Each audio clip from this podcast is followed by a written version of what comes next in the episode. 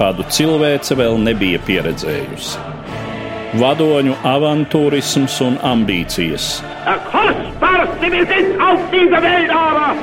Valsts vīru neizlēmība un ilūzijas. Arvien jaunas valstis ievilktas kara virpulī. United States of America was suddenly and deliberately attacked. Nežēlīgi malti cilvēku un tautu likteņi. Lai dzīvo darba tautas draugs un ģeniālais vadonis biedrs Stalins! Otrais pasaules karš sarunās ar Eduardu Liniņu raidījumu ciklā Satumsums. Labdien, cienījamie klausītāji! Šodien mēs turpinām raidījumu virkni, kurā aplūkojam Otrā pasaules kara izcilāko līderu un valstu vadītāju likteņus, viņu personības. Un mūsu šodienas varonis ir Itālijas diktators Benito Mussolini. Mans sarunbiedrs studijā Latvijas Universitātes profesors Inesis Feldmanis. Labdien! Labdien! Runājot par Benito Mussolini, jāsaka, viņu vienmēr ir tādā populārā līmenī ierasts uzlūkot kā nesevišķi nopietnu figūru līdzās lielajiem spēlētājiem šajā politiskajā spēlē, cilvēku ar lielvalsts līdera ambīcijām, kuras nav sektas īsti ar Itālijas kā valsts, kā militāra spēka iespējām, bet nenoliedzami Musolīni ir sava ietekme uz Otrā pasaules kara notikumiem, kaut vai tajā nozīmē, ka zināmā mērā var teikt, tieši itāļu fašisms un uh, Musolīni režīms ir uh, iedvesmas avots nacismam un Hitleram. Jā, es jums piekrītu, dabiski Musolīni bija ļoti lielas ambīcijas, bet viņš tāds ļoti interesants, neapšaubām ir figūra, kas tajā laikā tiešām atstāja lielu ietekmi gan uz daudziem autoritāriem vadītājiem, gan uz daudzām citām lietām. Kas attiecās tieši uz Otro pasaules karu, tiešām Itālija jau nebija sagatavota Otram pasaules karam. Itālija nebija īsta sabiedrotā Vācijai, tās militārais potenciāls bija stipri mazāks nekā Vācijai, un tāpēc jau nekāds eh, brīnums nav, ka pašās kara beigās Adolfs Hitlers teica, ka viss būtu bijis labāk nekā veidot savienību ar Itāliju. Viņš uzskatīja, ka tā savienība ar Itāliju nāca par labu nevis Vācijai, bet nāca par labu Vācijas pretiniekiem. Protams, ja mēs runājam par Otro pasaules karu, tad Itālija radīja tikai un vienīgi problēmas Vācijai. Nu, šeit mēs varētu sākt jau ar 1939. gada maiju, kad Hitlers gribēja izveidot ciešu militāru politisko savienību ar Itāliju un 39. gada 22. maijā arī noslēdz ar Itāliju tērauda paktu, kas it kā radīja šādu militāru politisku savienību, tad šī militāra politiskā savienība palika uz papīra. Musolīni izdarīja atrunu, ka Itālija karā var iestāties tikai ap 1942. gadu, jo Itālija nav galīgi sagatavota karam, un līdz ar to Vācijai šis otrais pasaules karš bija jāiesāk ar Padomju Savienības palīdzību, nevis ar Itālijas palīdzību. Hitlers gan vēl gribēja 1939. gada 25. augustā panākt, lai Itālija atbalstītu viņa militāro akciju pret Poliju. Itālija to ļoti diplomātiski noraidīja. Proti, Itālijas eksperti atsūtīja Vācijai tādu ziņu, ka Itālijai vajadzīgi ļoti daudzas visāda veida izēvielas, lai viņi varētu iestāties karā uzreiz 39. gada septembrī Vācijas pusē. Pieprasījums bija tik liels, kad Vācijas eksperti izskatīja šo itāļu atsūtīto pieprasījumu, kad viņu secinājums bija viennozīmīgs. Turpat būlim noreiptu galva. Musolīni šajā laikā, nu, ja mēs uzskatām Vāciju un Itāliju it kā par sabiedrotēm, viņš pat izdarīja nodevību. Un, protams, Musolīni 1939. gada 1. septembrī, tad, kad notika Vācijas uzbrukums Polijai, atsauca pie sevis Lielbritānijas un Francijas sūtņus, un viņiem paziņoja, ka Itālija nekādā gadījumā neiestāsies karā Vācijas pusē. Līdz ar to Anglijai un eh, Francijai bija papildus arguments iestāties karā pret Vāciju. Un Itālija nostājās Vācijas pusē tā īsti tikai tad, kad Vācija uzsāka militāro kampaņu rietumos. Un, eh, kad Vācija guva ļoti ātrus panākumus 1940. gada maijā pret Franciju, tad arī Musolīni gribēja būt uzvarētāju pusē, un 1940. gada 10. jūnijā, nekonsultējoties ar Hitleru, pat viņu īsti tā neinformējot, iebrukot Francijā, viņš gribēja piedalīties Valpījiem sadalē, bet uh, itāliešu armija nekādus panākumus īpaši Alpu frontē neguva.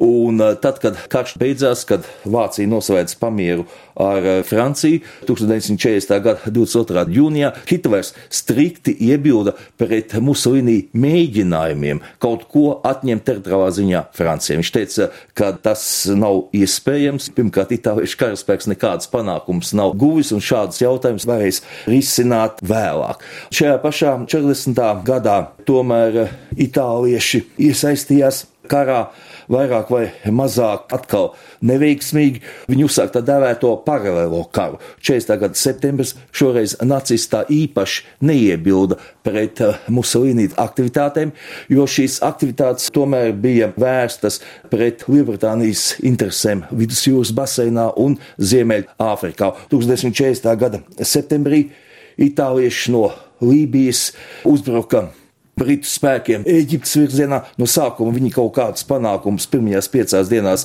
guva, vēlāk nekādi panākumi nebija. Viņi tika atsviesti atpakaļ un atkal vāciešiem vajadzēja domāt, kā glābt itāliešus un šeit sūtīt 41. gada februārī speciāli vācu korpusu uz Ziemeļāfriku, lai pieredzējušā vēlākā ģenerāla feldmaršala Romela vadībā varētu šeit šo situāciju stabilizēt. Bet vislielākais pārsteigums, ko sagādāja Musolīni cienīt Hitleram, neapšaubām bija kaut kas cits. Savā pārgalvībā un uzpūtībā Musolīni atkal pilnīgi neinformējot Vāciju un pretēji norunām ar Vāciju 40. gada 28. oktobrī pieņēma lēmumu uzbrukt Grieķijai. Hitlers par šo lēmumu uzzināja tikai 27. oktobrī, atgriežoties no tikšanās ar Spānijas diktoru Francisko Franko, un visu šī valdības galvu Anrī Petēnu, un viņš gan izvai no dusmām uzsprāga, jo bija interesēts, vai Balkānos valdītu miers un nerastos nekādi sarežģījumi ar karošanai tik nepieciešamās rumāņu naftas piegādi Vācijai. Briti jau 1939. gada 13. aprīlī bija garantējuši Grieķijas neatkarību, viņi varēja šeit izcelt desantu un palīdzēt Grieķiem atvairīt šo itāliešu agresiju. Hitlers nolēma Musolīni pierunāt, lai viņš atceļ savu lēmumu. Viņš pavēlēja mainīt savu speciālu vilciena eh, maršrutu un doties uz Florenci, lai tur 28. oktobrī tiktos ar Benito Musolini. Taču jau bija par vēlu. Duča sagaidīja Führer ar jūsmīgiem vārdiem: Führer, mēs! Uzbrukam. Uztraukumam nav pamata. 14 dienās viss būs beidzies. Taču notika tas, no kā Hitlers visvairāk baidījās Itālieši līdz pēdējiem karavīram mēnešu laikā jau 1940. gada novembrī tika padzīti no Grieķijas, tur izcēlās Britu desants, ierīkoja Briti tur militārās bāzes, Grieķijā stacionētie Britu bumbadēji varēja sasniegt poieštī naftas laukus Rumānijā un apdraudēt to iegūt, tāpēc eh, Hitleram vajadzēja mainīt savus plānus. 13. decembrī bija spiests Hitlers izdot pavēli, ka jāsagatavojas noteiktai operācijai, kodētais nosaukums Marita, lai padzītu Britus no Grieķijas. Tā kā šeit praktiski Musolīnī pašdarbība atkal nāca par sliktu Hitleram, tas viss aizskavēja Vācijas plānu īstenošanu attiecībā pret padomu savienību, kuriem bija jāsākā saskaņā ar Hitlera pieņemto lēmumu 41. gada 15. maijā, bet Vācijai bija jānostiprina savas pozīcijas Balkānos, un tāpēc Vācija 41. gada 6. aprīlī izšķirās par uzbrukumu Grieķijai, un reizē arī Dienasavājai, kas bija nonākusi Vācijas ienaidnieku skaitā, tur nāca pie varas tāda valdība, kas bija pret vāciešiem vērsta. Balkānu kampaņa gan bija ļoti sekmīga Vācijai, taču tā paņēma paņēma zināmu laiku, un Vācija nu, nevarēja laikā realizēt savu uzbrukumu Padomju Savienībai. Tomēr jāsaka, ka personīgās attiecības starp Hitleru un Musolini gan bija tāds ļoti interesants un pat draudzīgs. viņas gan vairāk bija draudzīgas no Hitlera puses attiecībā pret Musolini, nevis attiecībā no Musolīni. Nu, Musolīni, mēs zinām, diktators jau ir kopš 20. Eh, gada sākuma, tas gājiens uz Romu norisinās jau 22. gada oktobrī. Uzreiz jau viņš gan nekāds diktators nav. Tur vēstnieks strīdās, ka viņš savu režīmu tā īsti iedibina, vai no 1926. vai 1929. gadā. Nu, katrā ziņā viņš tomēr bija pieredzējušāks politiķis, no sākuma pieredzējušāks diktators nekā Ādolfs Hitlers.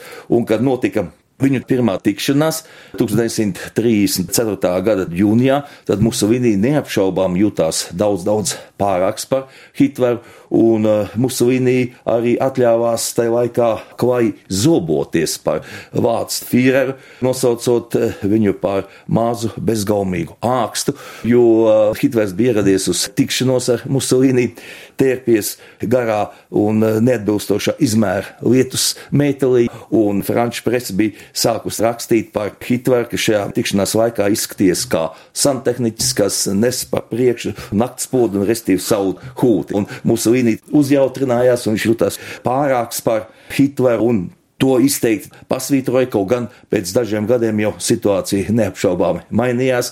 Hitlers iegūta lielāku prestižu kā diktators, tad arī mācīja sevi pasniegt. Jāņem vērā, ka starp Vāciju un Itāliju tomēr pastāvēja diezgan daudzas domstarpības, kuras arī nevarēja momentā likvidēt. Un galvenais jautājums, kas sarežģīja Vācijas un Itālijas attiecības, bija Austrijas jautājums. Jo Musolini ilgu laiku uzskatīja, uzskatīja, ka Austrijai jāpaliek neatkarīgai valstī, bet eh, Vācijas politika bija virzīta uz eh, Austrijas anšlus. Un šī Musolīna attieksme pret Austrijas jautājumu mainījās jau tikai 36. gadā. Itālija 35. gada oktobrī bija uzsākusi karu pret Etiopiju. Itālija šo karu, protams, uzvarēja, 36. gada maijā Etiopija kapitulēja, bet sakarā ar šo akciju Itālija nokļuva tādā starptautiskā izolācijā, Tautu Savienība pieņēma lēmumu īstenot pret Itāliju ekonomiskās sankcijas. Itālijas labā iestājās šajā laikā Vācija un Vācijas palīdzība atļāva mazliet mīkstināt šīs starptautiskās sankcijas, un līdz ar to Vācijas un Itālijas attiecībās iezīmējies pagrieziens. Iesākās šo valstu tuvināšanās, kas jau 1936. gada oktobrī noveda pie pirmās vienošanās. Musolīni nosauca to par Romas Berlīnes asi, un tā radās tā saucamās Romas Berlīnes ass mīts, kaut gan nekāda līdzvērtīga savienības ap Itāliju un Vācija tā arī neizveidojas. Combattenti di terra, di mare, dell'aria, camicie nere della rivoluzione e delle legioni, uomini e donne d'Italia, dell'intero e del Regno d'Albania, ascoltate!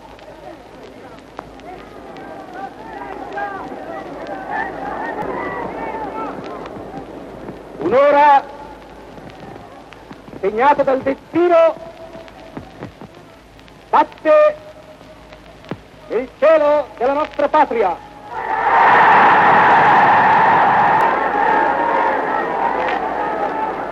L'ora,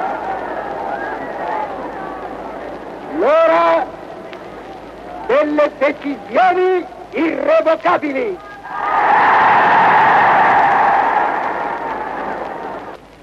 Dichiarazione di guerra è già stata consegnata agli ambasciatori.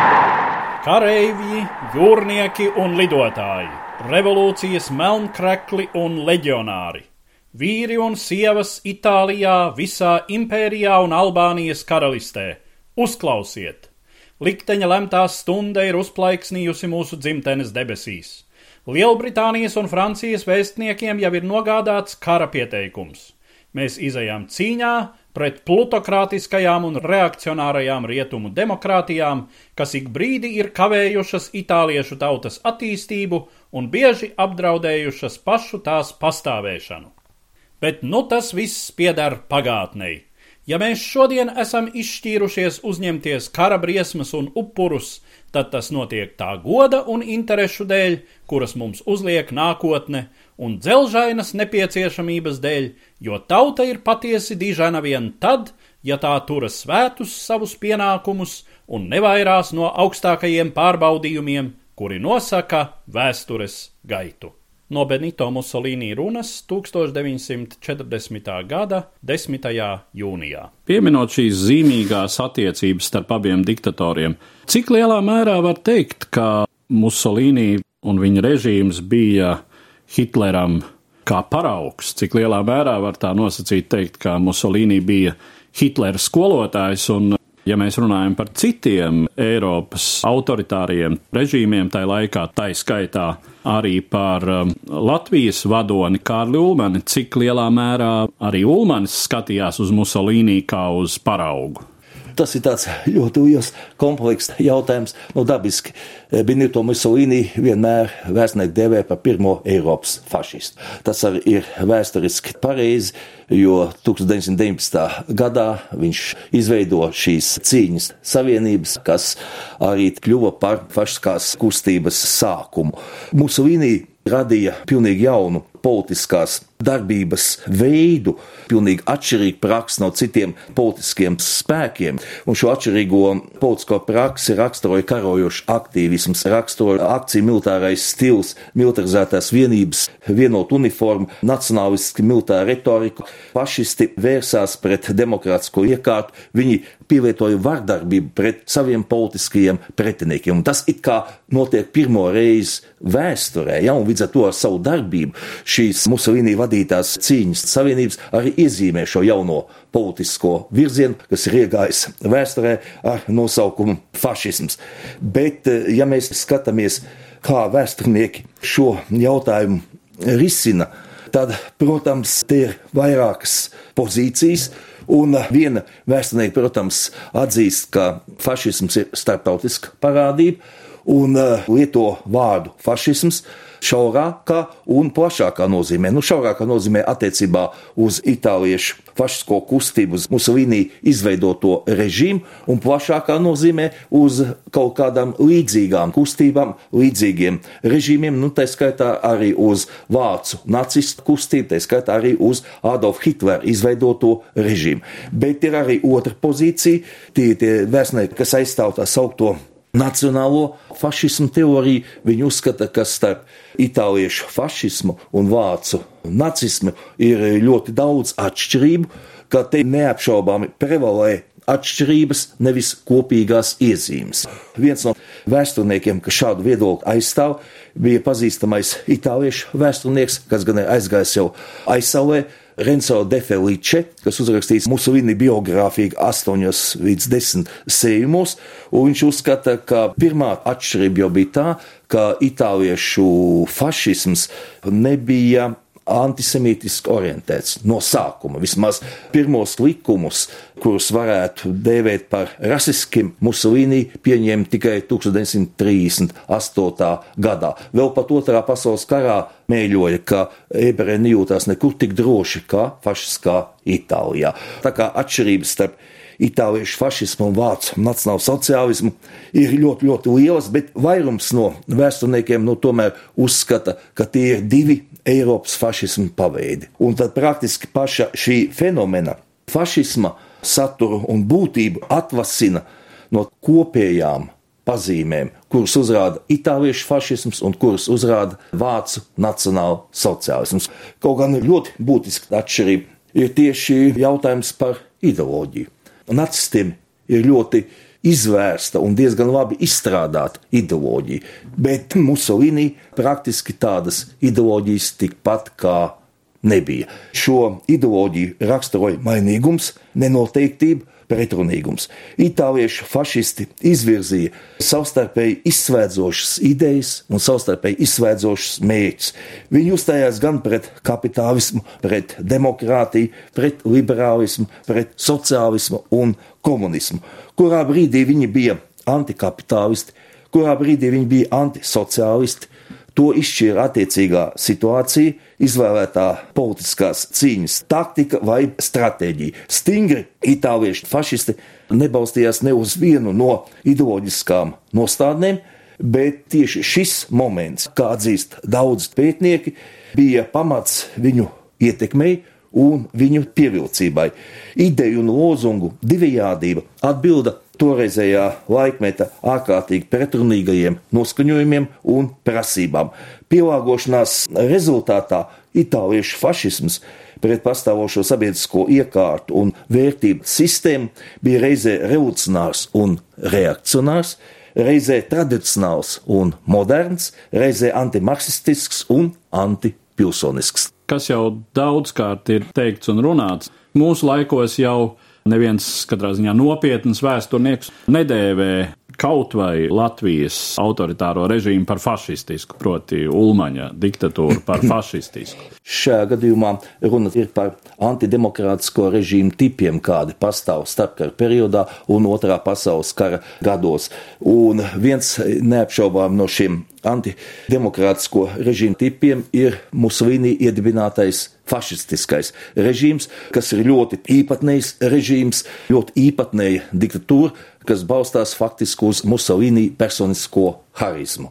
Tagad eh, daudz vēsturnieki pie šiem fašistiskā veida režīmiem pieskaita, nu, protams, Hitlera režīmu un vēl tikai trīs tādus režīmus, kas tika iedibināti galvenokārt ar nacistu okupācijas karaspēku palīdzību. Tas ir Kvislinga režīms Norvēģijā, tas ir Salašī režīms Ungārijā un tas ir Antes Paveliča režīms Horvātijā. Vairāk nevienu citu par fašistisku neuzskata. Tā kā es domāju, ka Umaņa režīmu mēs nekādā gadījumā nevaram saukt par fašistisku Umaņa režīms un arī daudzās citās valstīs kopā vēl 14 Eiropas valstīs šos iedibinātos režīmus mēs saucam par autoritāriem režīmiem. Un Umaņa režīms izceļās Eiropas autoritāro režīmu vidū ar divām lietām - ar ļoti augstu antidemokrātismu pakāpi, jo Ulmans ir ne tikai ministra prezidents, 36. gada aprīlī viņš kļūst arī par valsts prezidentu, un 40. gadā jau arī faktiski daļēji par armijas galveno vadītāju, un eh, šāda varas koncentrācija reti novērojama parādība tā laika Eiropas autoritāro režīmu vidū. Bet no otras puses, Ulmaņa režīms bija ļoti maigs. Ulmaņa laikā eh, šķiet tika piespriezt trīs nāves sodi, bet arī neviens netika izpildīts. Ja, tā kā praktiski tā ir ļoti maiga valsts, katrā ziņā Ulmaņa režīms nav represīvs režīms, un terminu fašistiska es nekad to vairs sen nelietoju. Nu, šeit jau varētu teikt, ka, protams, ir jau arī vēl mūsdienās autori, kas to dara, bet es domāju, te nav nekāda pamata. Šeit, ja mēs ņemam fašismu zinātnisko izpratni kā galveno argumentu, tad tas absolūti viss atkrīt. Kaut gan es atzīmēšu, ka vēl pat līdz šodienai ļoti daudz pētnieku atzīmē, ka jēdziens fašisms, jā, tas ir viens no 20. gadsimta vēstures pamatjēdzieniem, taču joprojām tāds jēdziens, kurš ir vēl viss, viss neskaidrākais un visgrūtāk definējamais, un viena no nelaimēm ir tā, ka tas pats e, apzīmējums, fašisms, nesatur neko tādu, kas liecinātu par tās parādības raksturu, ko šis termins apzīmē, jo jēdziens fašisms ir cēlies no itāliešu vārda fašio, jeb no latīņu vārda fašīs, un uh, itāliešu valodā fašio nozīmē savienība. Turpretī, ja mēs ņemam latīņiem, tad uh, šis fašīs nozīmē rīkšķu saišķi ar cirvi vidū, un ko tad dotu, ja mēs nosauktu fašistus par savienībniekiem. Protams, fašismu jēdziens jau tagad ļoti labi ir izstrādāts Eiropas vēstnieku vidū, tomēr joprojām ir strīdi par to, vai kopā ņemot itāliešu fašisms un vācu nacionāls sociālisms uzrāda šī fašisma minimumu. Par to joprojām ir strīdi. Visnotaļ zīmīgs ir um, Musolīni varas gals. Var teikt, ka tādā civilizētā procedūrā viņš tiek no varas atstādināts. Musolīni visu laiku daudz ko darīja, vai viņam kā diktatoram būtu tādas manevra iespējas, un tāpēc viņš pakāpeniski Itālijā izveidoja ļoti īpatnēju diktatūru, kas atbilda tikai viņa kā diktatora personiskām īpašībām, jo viņš nekad negribēja arī savu valsti, Itāliju, pārvērst par fašistisku valsti, kurā dominētu vienīgi fašistu partija. Itālijā vienmēr ir arī otrs varas centrs, tā ir monarhija, visu laiku pastāv karalis, un karalis juridiski vienmēr ierobežo Musolīni diktūru, un Musolīni visu laiku gribēja spēlēt tādu vidutāju lomu, jo Musolīni fašiskās partijas radikālais spārns prasīja, lai šī fašiskā partija kļūtu par noteicošo spēku valstī. Musolīni pret šo prasību iebilda, un viņš centās izmantot savas iespējas, vai rastos tāds stāvoklis, vai viņš, ja viņam ir nepieciešams kaut kādā jautājumā piekāpties karali, vai tad viņš varētu balstīties uz savas fašiskās partijas radikālo spārnu, un tai pašā laikā, ja viņam ir nepieciešams piebremzēt savas partijas radikālo spārnu, tad viņš balstās uz šo karali. Šāda situācija, es domāju, arī noved pie tā, ka varēja ļoti viegli no Musolīni atbrīvoties. 1943. gada jūlijā Britu un Amerikāņu karaspēks izceļās Sicilijā, nu tas maina vis, vispārējo tautas noskaņojumu. Musolīni vairs nav visu divinātais diktators. Musolīni arī riskē un 25. jūlijā sasauc pirmo reizi kopš 39. gada lielās fašistu padomas sēdi. Un šajā fašistu padomas sēdē no 28 fašistu padomes locekļiem 19 nobalso par Musolīni atbrīvošanu. Un nākošā dienā viņu arī karalis atbrīvo no premjerministra amata, atbrīvo no armijas vispilnieka amata un liek apcietināt. Un vācu spēcdienas tomēr uzzina, kurš tika turēts, un šeit izcilākais nacistu komandos Otos Korcenī sarīkoja Musolīni glābšanas operāciju. Un pēc tam izveidojas tā sauktā Itālijas sociālā republika, Ziemeļitālijā, Itālijas vēl neokupētajā daļā, kas ir ne vairāk kā Vācijas marionešu valsts. Jā. Un Musolīni vēl kādu laiku, kamēr Wehrmachts tur Apenīnu fronti, var šai valstī nomināli valdīt, bet nu beigas ir visai bēdīgas, kā zināms, 45. gadā nesekmīgi mēģinot izbēgt uz Šveici. Musolīni krīt kreisi noskaņoto itāļu partizāņu rokās un tiek sodīts ar nāvi, nu, faktiski tiek nošauts. Šķiet, ka nekāda tiesa arī tur nenotiek. Tas ir tā ātri un, un jā, nu, kara apstākļos. Kara apstākļos, jā, viņa partizāņi sagūstīja 1945. gada 27. aprīlī. Musolīni kopā ar savu mīļāko klāru Petačī bija paslēpies vienā no vācu armijas mašīnām, kas brauca, kā jūs teicāt, Šveices virzienā. Nu, šeit tomēr partizāni pārbaudīja un atklāja, Musolīni bija bruņojies tajā laikā, viņam pat divas pistoles bija rokās. Nu, viņš tās neizmantoja, kā saka, padevās. Lauku karatiesa tomēr esot bijusi sasaukta, nu, dabiski.